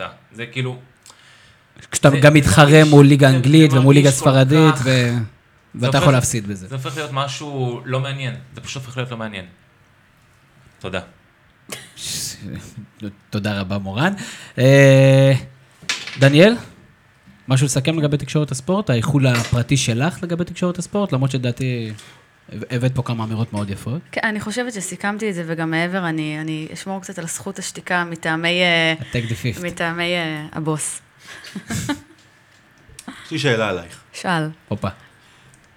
כפמיניסט, ולא כי אני מפחד מאשתי הפולניה, אמ, לא מפריע לך שעל המסך שלנו בנוגע לכדורגל, ואני מנתק את מירי נבו כי היא שם בפוקס, זה לא קשור לכדורגל, אה, נשים הן רק על הקווים? אמ, מפריע לי מאוד. אמ, אני חושבת שתקשורת הספורט היא מאוד שמרנית, ממה שאני רואה אותה מבפנים. עכשיו, זה, זה מכל האספקטים, זה לא רק בהכרח של לשים אישה על, על, על המסך, אה, זה אפילו מהבחינה של מה, מה אישה לובשת. לא מעט פעמים העירו לי על מה שאני לובשת אמ, ב- ב- בשידור. עכשיו, כאילו זה, זה, זה, זה משהו שמרגיש לי כאילו איזשהו פחד מלתת במה לנשיות. לא בהכרח כי אה, לבשתם משהו שהוא פרובוקטיבי, זה כאילו אה, מנסים ליצור משהו שהוא מאוד רשמי, שלא יהיה את, ה, את ההבדלים האלה בין גברים לנשים. שאם זאת אישה, אז שהיא, שהיא תיראה בדיוק כמו שהגבר נראה, שזה עם אה, וסט ועם אה, הכל, הכל נורא רשמי כזה, כאילו יש איזשהו פחד לתת במה אה, לנשיות על המסך. זה בהחלט משהו שנראה לי חסר. עכשיו, אם אתה מדבר מבחינת עמדת השדר, פרשן, למה אנחנו לא שומעים אה, נשים? אה, כמובן שמירי נבו היא חריגה, למה זה לא קורה? היא גם לא בכדורגל. נכון, נכון. והיא מנחה בתוכנית אה, סיכום ש- סיכום מחזור. אין, לא, היא אין לי מגישה את לי- את האמת האתלטיקה. שאין לי תשובה למה דבר כזה לא קורה. אה, אני חושבת שפשוט צריך שמישהו יבוא וירים את הכפפה ויעשה את זה ראשון, וברגע שיעשו את זה טוב, אז אולי אחרים לא יפחדו לעשות את זה גם. את לא חושבת שזה אולי נשים שמתרחקות? לא. לא, כי אני רואה סביבי הרבה נשים שמאוד רוצות לעשות את זה ולא מקבלות את ההזדמנות. אני חושב שסיכמנו את זה יפה, והאמת זה, זה די עצוב, כי אנחנו רואים שנשים כמה שיותר מעורבות, אנחנו רואים אותם שכשזה להיות הפרצוף היפה, אז אין בעיה לשים אותם. ו... אז, אז אבל- אצלנו, שלא רואים את הפרצוף, את תמיד מוזמנת. שאלת שלא בונוס, רואים את שאלת. בונוס מאוד מאוד זריזה לפני שאנחנו מקפלים, ובכן או לא, האם הפועל באר שבע תעפיל ליגת האלופות, גל? כן. מורן? כן. רוני? בגדול. רון, אה, דניאל? כן, כן. גם אני חושב שכן, אז באמת מקווה שכן. ועכשיו אני שמח להציג פינה חדשה, פינת הדעות שנתחזק בינואר, של מיודענו זיו להבי, והפעם הוא מסכם את המחזור שהיה בליגת העל. הפועל חיפה תהיה הפתעת העונה. בני יהודה מתמודדת על אירופה. אין, מכבי חיפה בדרך לעוד עונה של תהליך. בכר נחלש, ג'ורדי לא מאמן, כל ההצהרות הפרועות האלה נזרקו לאוויר לאחר מחזור אחד בלבד. עיתונאים ואוהדים כאחד, כולם קובעים בנחרצות, חותכים בביטחון, מתנבאים משל יש להם מכונת זמן. הלו, חבר'ה, הליגה רק התחילה. קו הסיום רחוק, הקבוצות מתחברות להן לאט לאט, תהליכים מתרחשים. כן, בכדורגל הישראלי פוסט רנה מולנסטיין המילה תהליך הפכה לבדיחה, אבל חשוב לזכור שהמונח בהחלט קיים. ברצלונה הגדולה של פפ נבנתה שנים דרך הלמאסיה. ריאל של זידן הייתה נראית כמו אוסף כוכבים לא מחובר רק לפני פחות משנתיים. תנו לקבוצותיכם האהובות כמה ימים של חסד. סאגת הפיטורים של שרון מימר מבית"ר ירושלים משכה אש רבה ברשתות החברתיות. הבוטות בה העבירו גופי תקשורת דעותיו של אלי טביב כידיעות היא ללא ספק בושה למקצוע שאמור לחתור אל הצדק וחקר האמת. לטביב, המורחק להזכירכם, התנפח הווריד אחרי התבוסה לבוטב פלובדיב הבולגרית. אותה תבוסה שגרמה לאוהדי בית"ר רבים לציין שזהו, הלכה העונה. אותם אוהדים אגב מסתובבים היום בחזה נפוח אחרי ה-3-0 מול מכבי תל אביב ומכריזים שהם מועמדים לאליפות. אז אם התנהלותו של טביב כל כך מפריעה לנו, מדוע אנו חוטאים בה בעצמנו? מדוע אנחנו ממהרים לקפוץ למסקנות אחרי קומץ משחקים בגביע הטוטו? התיקון לכדורגל הישראלי מתחיל אצלנו. לאט לאט, בשקט ותוך הפגנת אמון, נראה כדורגל חיובי. תנו למאמנים ולשחקנים שלנו לעבוד, כי זו עומדת להיות עונת כדורגל נהדרת. חברים, תודה רבה לכולם, לא אפרד מכם אחד-אחד כי דיברתם מספיק. אה, אני רוצה להודות לברק קורן, האיש מאחורי הקלעים שבלעדיו אנחנו לא היינו יודעים איך להפעיל טלוויזיה. ואני הייתי תמיר זוארץ, אתם מוזמנים לשמוע את הפודקאסט גם כן בזווית, נקודה co נקודה il, גם כן בסאונד קלאוד, גם כן באפליקציית אפל שלנו, גם באפליקציית אנדרואיד שלנו, אני מקווה שלא פספסתי שום דבר. נתראה שבוע הבא, גם ביום שלישי בפודקאסט השבועי שלנו. אני הייתי תמיר זוארץ, תודה רבה ולילה טוב.